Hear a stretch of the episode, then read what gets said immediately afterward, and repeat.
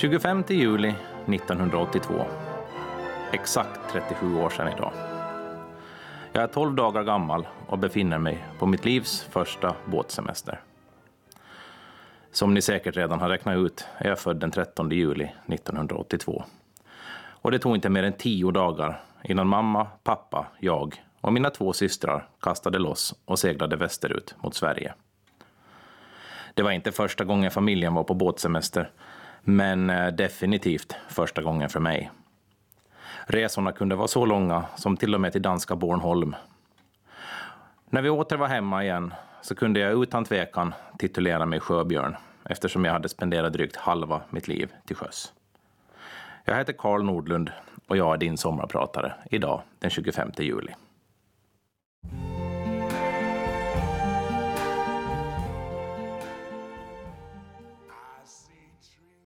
Och vems pojke är du då? brukar man ofta få höra. Jag vet inte om det är något typiskt åländskt över det, men jag tror det. Harrys och Lillemors, brukar jag säga. För precis så är det. Pappa Harry, mamma Lillemor och mina två äldre systrar Johanna och Victoria. Den konstellationen växte jag upp med och bättre kunde man inte ha haft. Vi bodde på Styrmansgatan 9 i det hus som stod i sydöstra hörnet i korsningen Ålandsvägen, Styrmansgatan. Huset är idag rivet och ersatt med ett nybygge. Men eh, minnena finns definitivt kvar. Jag kommer bra ihåg mitt rum på översta våningen. Jag kommer ihåg den enorma skrubben som gick längs med kattvinden på husets långsida. Den var perfekt för att leka i och för att bygga kojor i, även om man inte alltid fick. Den franska balkongen som vette mot Ålandsvägen och som var min utsiktsplats varje vardag klockan 17 då bussarna till landet körde upp längs Styrmansgatan från bussplan. Det om någonting var dagens höjdpunkt. Jag kommer ihåg farfar som kom på besök varenda dag bara för att prata en stund och se till att alla hade det bra. Till slut började huset bli för stort för oss och vi flyttade några hundra meter åt nordväst till Idrottsgatan. Och det var samma år som jag började skolan.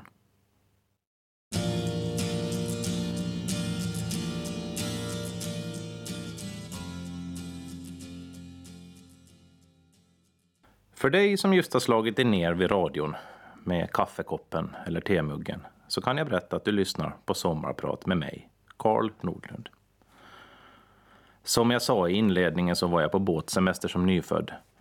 Det var också min sista båtsemester eftersom pappa och mamma sålde båten efter det och köpte en sommarstuga på klubben i Lämland. Precis vid inloppet till Lumparsund och med vacker utsikt över Föglefjärden.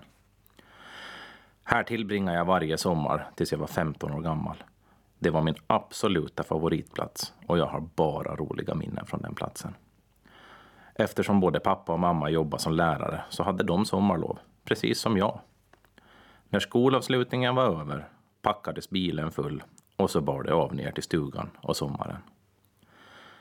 Dagarna fylldes med bad, sol, regn, fiske, sällskapsspel, serietidningar, båtturer till Degerby för att köpa glass och hälsa på farmor Maggie och farfar William. Det var besök till Lämlands bibliotek för att fylla på förrådet för regniga dagar. Och det var shoppingrundor till både Söderby Flaka och Lumparlands andelshandel då mjölken, smöret eller kaffet var slut. Ju äldre man blev, desto mer utforskar man omgivningarna runt stugan.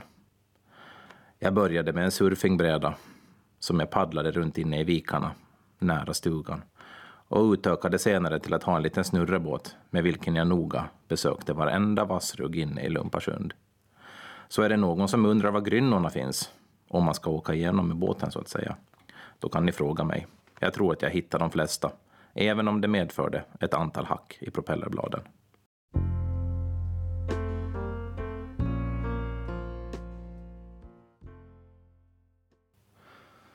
Förutom att vara på stugan hela somrarna så hade jag förmånen att få resa mycket tillsammans med mina föräldrar.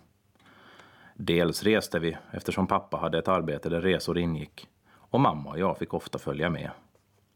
Dels reste vi av rent intresse.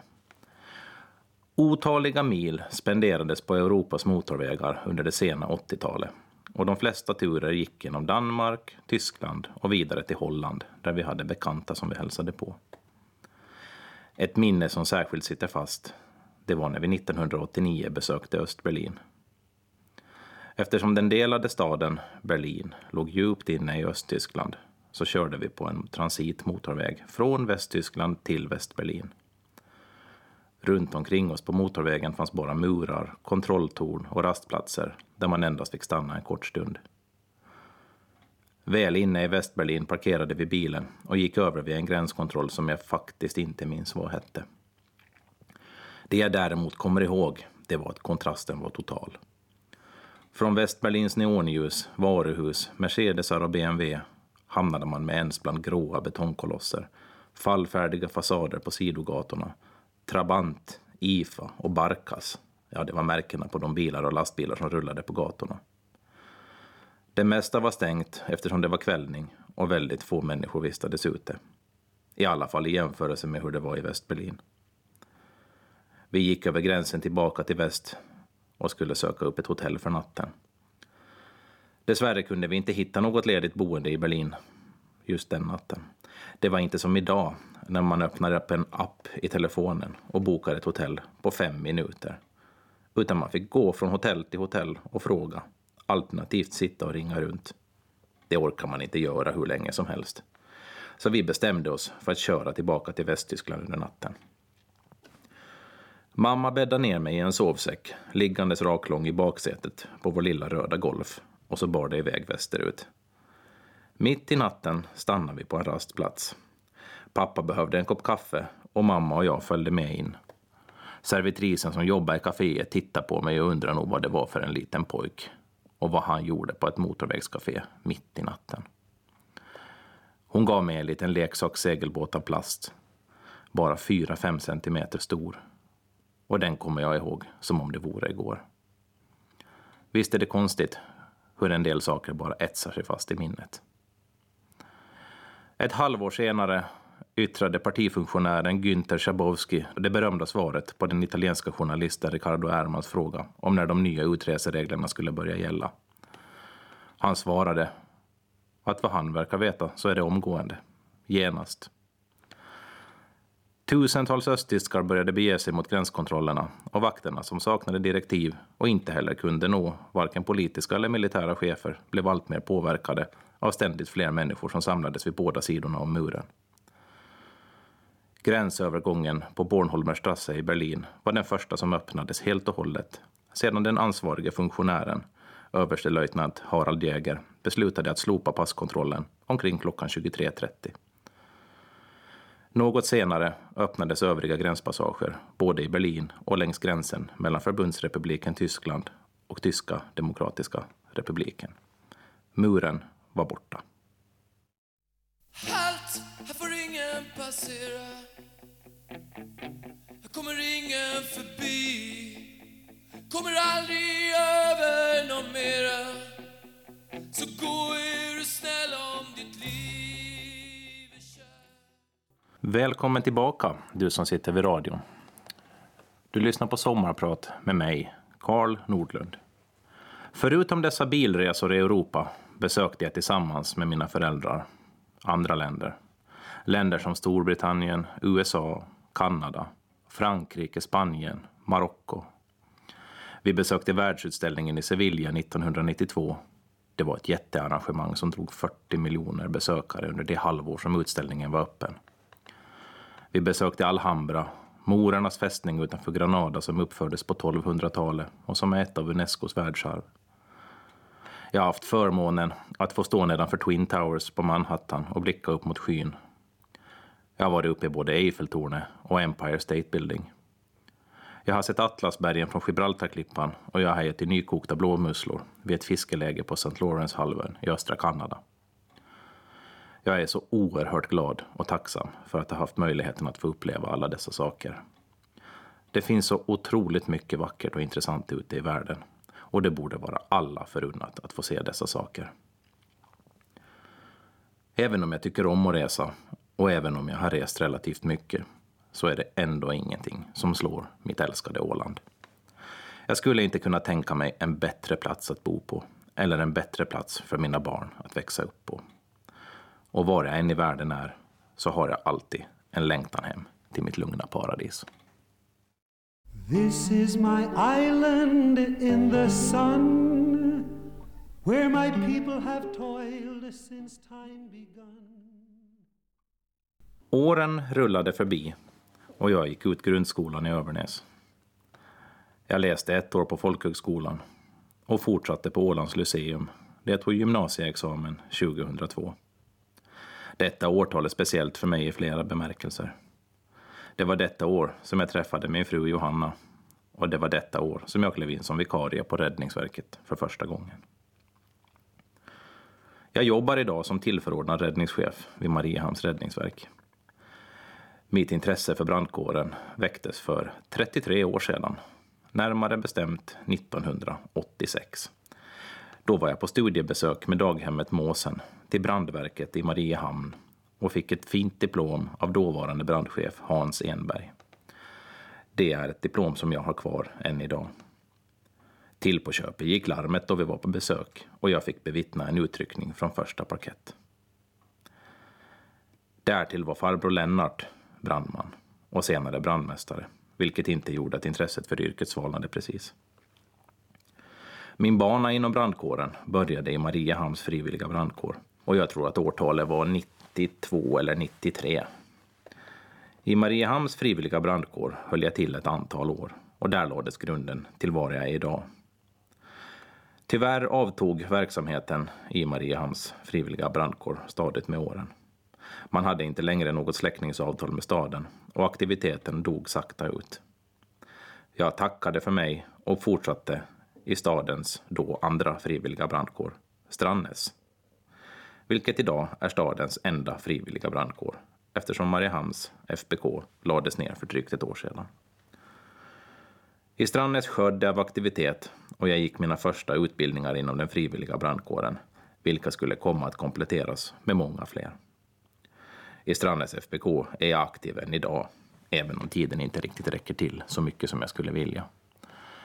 Om inte annat så kan man alltid slinka in en övningskväll för att träffa alla och få slänga några ord. Den sociala funktion som den frivilliga brandkåren fyller är fantastisk. Det finns en jättegod gemenskap och alla är välkomna.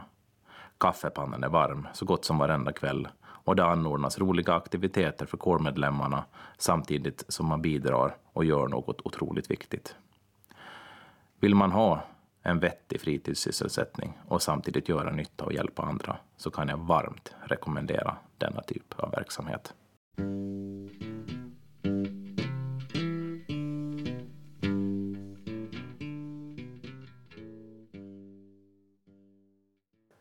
Du lyssnar på Sommarprat med mig, Karl Nordlund. Mitt intresse för brandkåren var stort och jag funderade på om det kanske kunde vara något att jobba med i framtiden. Sommaren 2002 hade jag mitt första vikariat som brandman på Räddningsverket. Sedan följde en period då jag inte riktigt visste vad jag ville göra. Jag körde bland annat lastbil och levererade bröd till butiker runt om på Åland och jag jobbade som försäljare.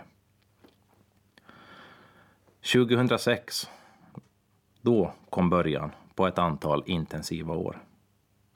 Jag och min sambo Johanna, vi var nämligen inte gifta då, skulle bli föräldrar för första gången. Och jag, jag hade bestämt mig för vad jag ville med mitt liv. Jag skulle bli brandman. Det var det jag ville göra på riktigt. Jag skulle bli pappa någon gång i månadsskiftet september-oktober. Samtidigt som jag, om jag kom in, skulle behöva vara borta hemifrån under stora delar av två år. Jag vägde alternativen emot varandra och diskuterade väldigt mycket med min sambo. Vi kom fram till att om jag skulle gå i skola, då skulle jag göra det nu. Johanna stöttade mig till 110 procent och jag sökte till svenska statens räddningsverksskola i Rosersberg utanför Stockholm. Jag fick beskedet att jag inte hade kommit in, men att jag låg på en reservplats Moloken såg jag framför mig att ja, det skulle inte bli så mycket av de här utbildningsplanerna just nu. Men eh, jag gladde mig otroligt mycket åt det som väntade. Så den 5 oktober 2006 föddes vår dotter Moa. och det var nog den lyckligaste dagen i mitt liv. Även om barnmorskan under förlossningen röt åt mig att andas, eftersom hon nog var tvärsäker på att jag skulle tuppa av. En dag under senhösten vintern 2006, då jag som nybliven lycklig pappa kom hem från jobbet, låg ett brev i brevlådan där avsändaren var Statens räddningsverk i Sverige. Lite smått nervös öppnade jag brevet. Jag läste en stund och konstaterade att jag hade blivit antagen till utbildningen och den skulle börja direkt efter årsskiftet. Jag skulle infinna mig på Pliktverket i Näsby park utanför Stockholm för att genomgå läkarundersökningar och belastnings-EKG. Nu snurrade det i huvudet. Sagt och gjort. Jag och Johanna bestämde att jag skulle hålla fast vid planen med min utbildning. Läkarundersökningen gick bra. Jag sade upp mig från mitt jobb som försäljare, packade väskorna och flyttade min vardag till Stockholm. Jag hade den otroliga turen att min syster Johanna bodde med sin familj mitt i Stockholm och då jag berättade att jag skulle börja skola mig till brandman erbjöd de sig direkt att jag skulle få bo hos dem. Jag fick ett eget rum, jag fick underbart god mat och jag fick världens bästa sällskap. Bortsett från Johanna och Moa då förstås. Under de två följande åren reste jag hem varje fredag och tillbaka till Stockholm varje söndag. Att åka hemifrån och lämna Johanna med Moa var otroligt svårt och jag kan lova att tårarna var många varje söndag då man skulle iväg till en ny vecka i skolan. Lyckligt lottade som vi var hade vi enorm hjälp av far och morföräldrar som stöttade och ställde upp. Med lite envishet tog jag mig igenom dessa två år och fick min examen vid årsskiftet 2008-2009. Jag sommarjobbade på Räddningsverket i Mariehamn under studietiden och fick fortsätta som vikarierande brandman direkt efter examen. Att jag kunde genomföra dessa studier och även de studier som skulle komma, det är till största delen Johannas förtjänst. Hon har hela tiden varit hemma, stöttat mig, dragit det stora lasset med barn, skött om hemmet och därtill stretat sig igenom den vanliga grå vardagen med alla utmaningar det innebär. Jag står i en otrolig tacksamhetsskuld till henne för allt det som hon har satt åt sidan för att jag skulle kunna förverkliga mina drömmar. Vi träffades 2002. Vi gifte oss 2012 och vi har nu hängt ihop i vått och torrt i 17 år. Hon är min livskamrat och min allra bästa vän. Följande låter till dig, Johanna.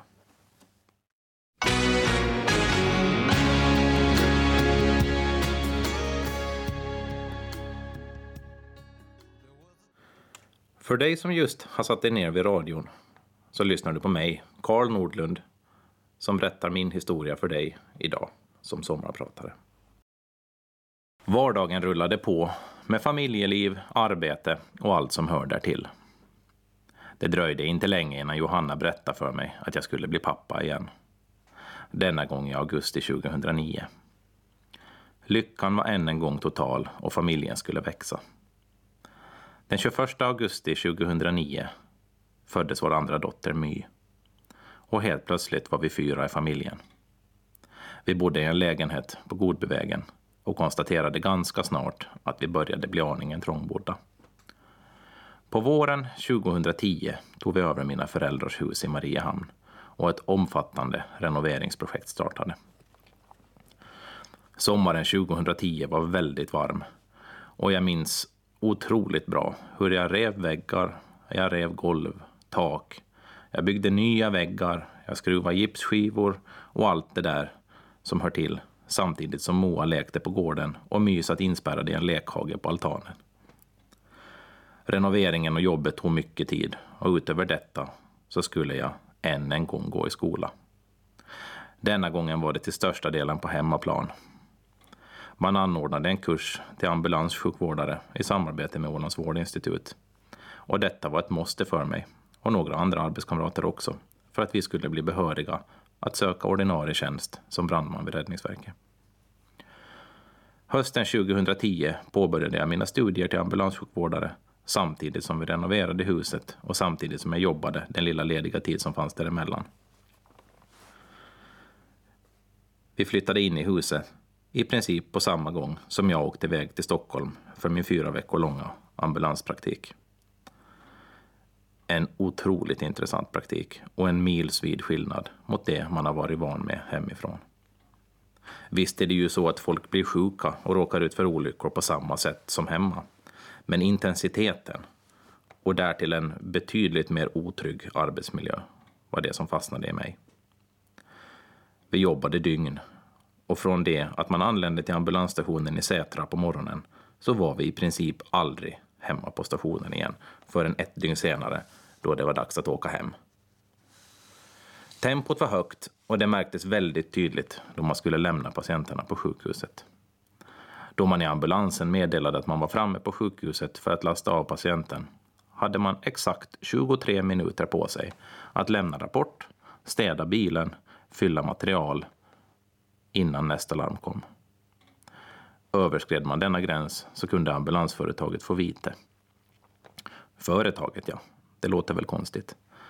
Ja, det var så. Ambulansen var privatiserad och då jag gjorde min praktik vill jag minnas att det var fyra företag som skötte ambulansverksamheten i Stockholms län. Det var en otroligt intressant upplevelse och jag kan konstatera att vi har det väldigt bra här på Åland. Jag fick min examen till julen och nu var jag fullt behörig att söka tjänst som ordinarie brandman vid Mariehamns räddningsverk.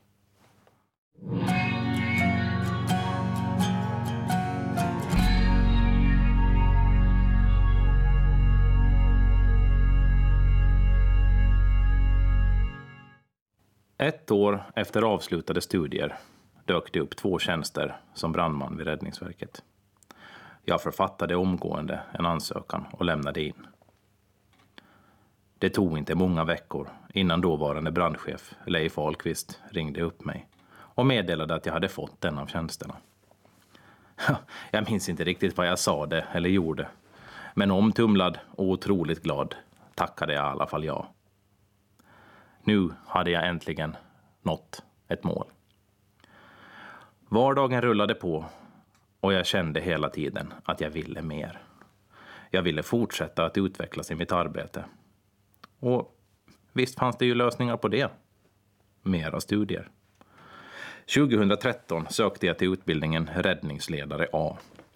En utbildning som anordnades av den svenska myndigheten för samhällsskydd och beredskap, MSB. Denna utbildning skulle ge mig behörighet att fungera som brandförman, det vill säga den som är arbetsledare för sin egen enhet och dess personal. Utbildningen genomfördes i MSBs lokaler i Rosersberg, strax norr om Stockholm, och den sista skolveckan med alla praktiska examensövningar, den genomfördes i samma skolas lokaler uppe på Sandö utanför Kramfors. Jag kom tillbaka till jobbet med nyinhämtade kunskaper och full av energi, lagom till julen 2013. Lyckan varade dock inte så länge, eftersom min mamma i februari 2014 diagnostiserades med cancer. Världen vändes upp och ner på en gång och allt blev annorlunda. Mamma som alltid hade varit pigg och frisk var nu plötsligt svårt sjuk. Det var oerhört svårt att se henne så dålig. Hon som lade all sin lediga tid på barnbarnen, på hemmet och på stugan i Granboda hade inte längre den orken. Speciellt jobbigt blev det för vår äldsta dotter Moa, som under sin uppväxt spenderat väldigt mycket tid med sin farmor och de två var som ler och långhalm. Operation och behandlingar avlöste varandra och det tycktes inte finnas någon ände på det. Mamma höll sin vana troget humör uppe hela tiden och menade att det, ja, nog var det ju förargligt, men, men ingenting att göra någonting åt. Det var som det var helt enkelt. Mamma dog i april 2015, drygt ett år efter diagnosen och efterlämnade ett enormt tomrum som jag än idag inte kan förlika mig med.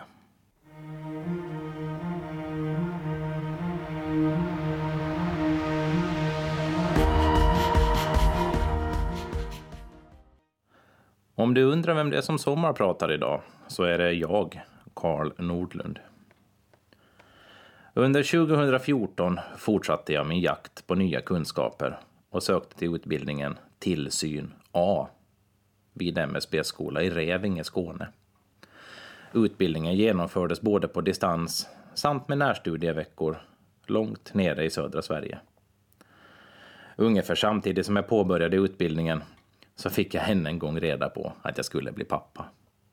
Den här gången var det juni 2014. Och kan ni tänka, jag blev precis lika glad som både första och andra gången.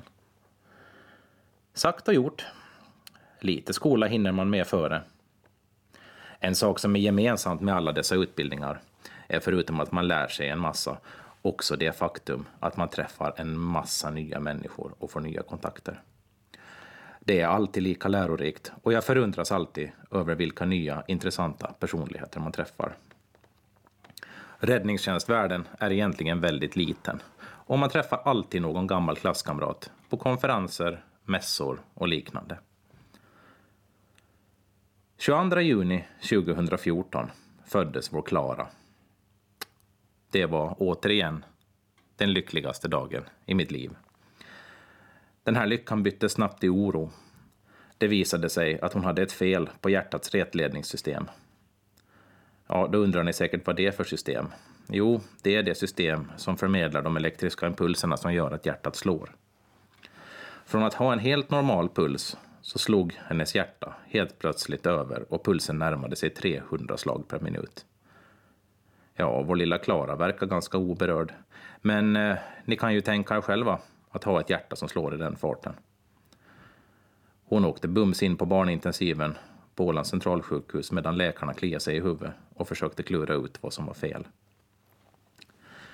Jag och Johanna var utom oss av oro och bara hoppades och hoppades att allt skulle gå väl.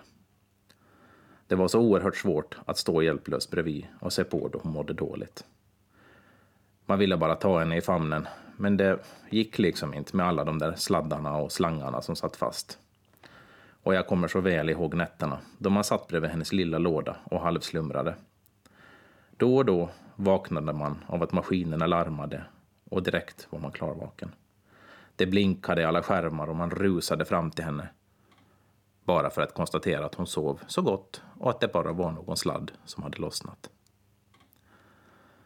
Även om det kändes som en evighet så tog det inte så länge innan läkarna kunde konstatera vad felet var. Nämligen det då, som jag nämnde inledningsvis. Vår lilla fröken blev ordinerad betablockerare som hon skulle äta i ett år och därefter sade läkarna att felet troligtvis borde ha växt bort av sig självt. Det var många, långa och sömnlösa nätter hemma innan vi ett år senare var tillbaka för att göra ett hjärtultraljud. Läkarens besked var det bästa man någonsin kunde få. Felet hade växt bort och medicineringen kunde avslutas. Även om det är fem år sedan så vill jag fortfarande rikta ett stort tack till den fantastiska sjukvård vi har här på Åland. Vi är minsann lyckligt lottade.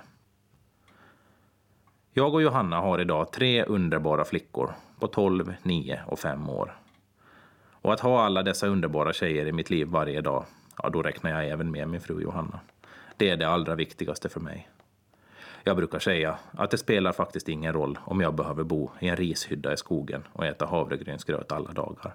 Bara jag har familjen. Jag läste vidare till brandmästare 2015, eller räddningsledning B som kursen egentligen heter idag. Och vid årsskiftet 2015-2016 bytte jag tjänst från brandman till brandmästare med ansvar för alarmcentralen på Åland. Att vara med och utveckla både personalen, arbetsmiljön och tekniken vid alarmcentralen har varit ett mycket intressant uppdrag. Jag kan säga att arbetet med att ta emot nödsamtal och förmedla rätt hjälp till den som behöver det, det är ingen enkel uppgift. Och jag lyfter på hatten för de alarmoperatörer som dygnet runt finns på plats för att se till att hjälpen kommer fram när den behövs. Våren 2018 tillträdde jag som tillförordnad räddningschef vid Mariehamns räddningsverk. Jag har suttit på den posten i drygt ett år nu och jag kan helt ärligt säga att det är nog det roligaste jag har gjort i min yrkesbana. Visst finns det dagar då jag allra helst skulle vilja dra täcke över huvudet eller bara krypa in under skrivbordet. Men så tror jag att det är på alla jobb. Möjligheten att få vara med och utveckla räddningsväsendet i Mariehamn och på Åland är något jag har velat göra sedan länge och nu har jag den möjligheten. Det här är naturligtvis inget arbete som görs ensam. Så det är ju en otrolig tur att jag har så kompetenta och skickliga medarbetare runt omkring mig. Jag bor väldigt nära mitt jobb och varje gång jag hör sirenerna så känner jag mig stolt som en tupp och tänker att det där, det är mitt gäng.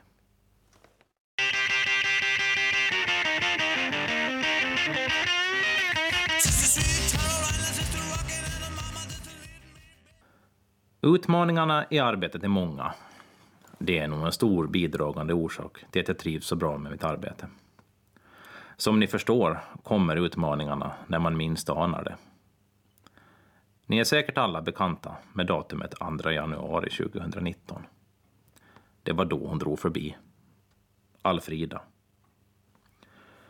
Jag var helt ledig från både det administrativa och operativa arbetet och befann mig hemma med familjen. Jag skulle inte på jobb förrän på torsdagen den 3 januari. Jag noterade på väderleksrapporten att det skulle bli blåsigt och kanske rent av storm. Det var egentligen ingenting som fick mig att reagera på något speciellt vis eftersom man ju ofta hör och ser väderleksrapporter som utlovar busväder men som i själva verket drar förbi oss eller träffar oss med betydligt lägre krafter än utlovat. På kvällen den 1 januari blåste det visserligen rejält. Men eh, fortfarande ingenting som fick mig att tänka på vad som skulle komma. Vid midnatt då jag låg i sängen kunde jag konstatera att det nu blåste riktigt kraftigt och att jag hade svårt att finna sömnen. Ju längre tiden framskred, desto kraftigare blev vindbyarna och till slut var jag nästan säker på att våra stora fönster som vetter mot norr skulle blåsa in. Nu började jag inse att det blåste betydligt mer än vad som brukar vara vanligt på vår ö. Vindbyarna var stundtals så kraftiga att jag funderade på att flytta barnen från sina sängar in till oss. De har nämligen sina rum på husets norra sida och om ett fönster skulle gå sönder så skulle de nog antagligen bli livrädda. Till slut konstaterade jag att rutorna nog håller, så de fick sova kvar i sina sängar. Ingen av dem vaknade av det kraftiga busvädret som för sig gick på utsidan. Vid 04.15 då konstaterade jag att nej, det här håller inte längre. Jag ringde till jourhavande räddningsledare och efterhörde om han ville ha in mig för hjälp ifall det var en jobbig situation och mycket uppdrag. Svaret kom snabbt och det var jakande. Jag har nära till jobbet och jag kunde infinna mig på Räddningsverket 15 minuter efter telefonsamtalet. Väl på plats efterhörde jag hur lägesbilden såg ut och svaret var att i princip hela Åland förutom Mariehamn var utan ström och att det faller träd överallt.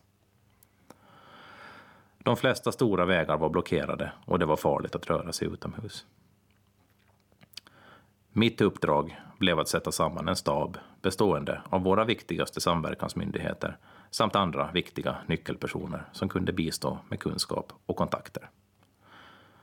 Det ska sägas att det var inte det lättaste att få in alla eftersom flera personer hade svårt att ta sig fram på grund av blockerade vägar. Sakta men säkert fylldes staben med folk och arbetet med att bilda sig en gemensam lägesbild för hela Åland tog fart.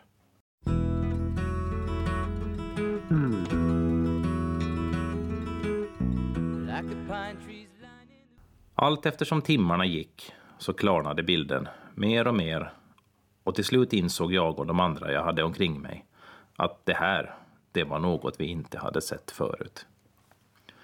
Omfattningen av de skador Alfrida hade ställt till med var oerhört stora. Och var skulle man riktigt börja?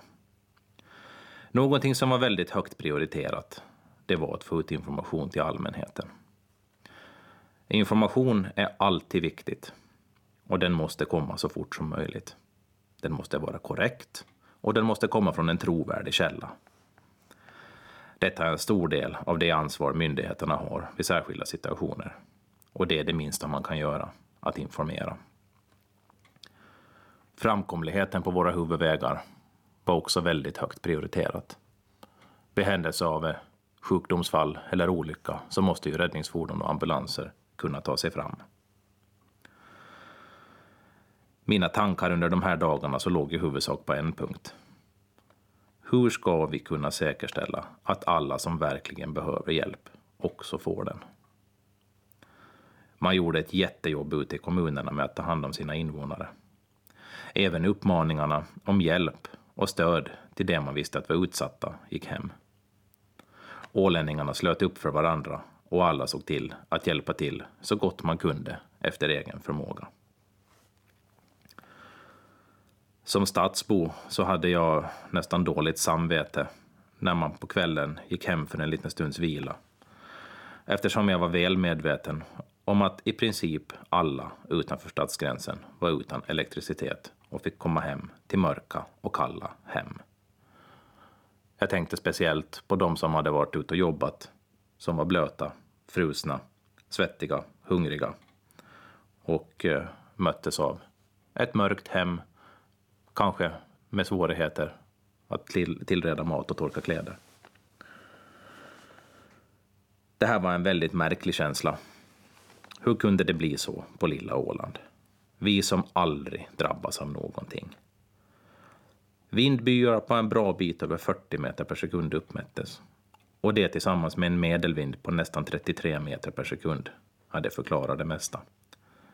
Det var den kraftigaste storm som har uppmätts i Finland och den drabbade Åland med all sin styrka. Några saker som jag reflekterade över med jämna mellanrum var dels vilka gemensamma krafter vi kan uppbåda i vårt lilla ösamhälle. Dels vilken otrolig tålmodighet och förståelse ålänningarna visade. Det brukar pratas om gnälliga ålänningar, men eh, det måste nog vara en renodlad myt. Ålänningar kan reda sig själva. Det bevisades i januari. Jag är oerhört glad att ingen kom till skada av själva stormen. Samtidigt som jag är väldigt ledsen över att vi dels hade en tragisk olycka med kopplingar till stormarbetet. Och det är också väldigt sorgligt att se all skövlad skogsmark, vilket var det tydligaste spåret efter Alfrida. Skog som har stått i generationer var borta över en natt.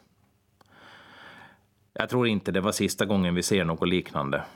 Och när det händer igen, inte om, så då ska vi vara ännu bättre förberedda.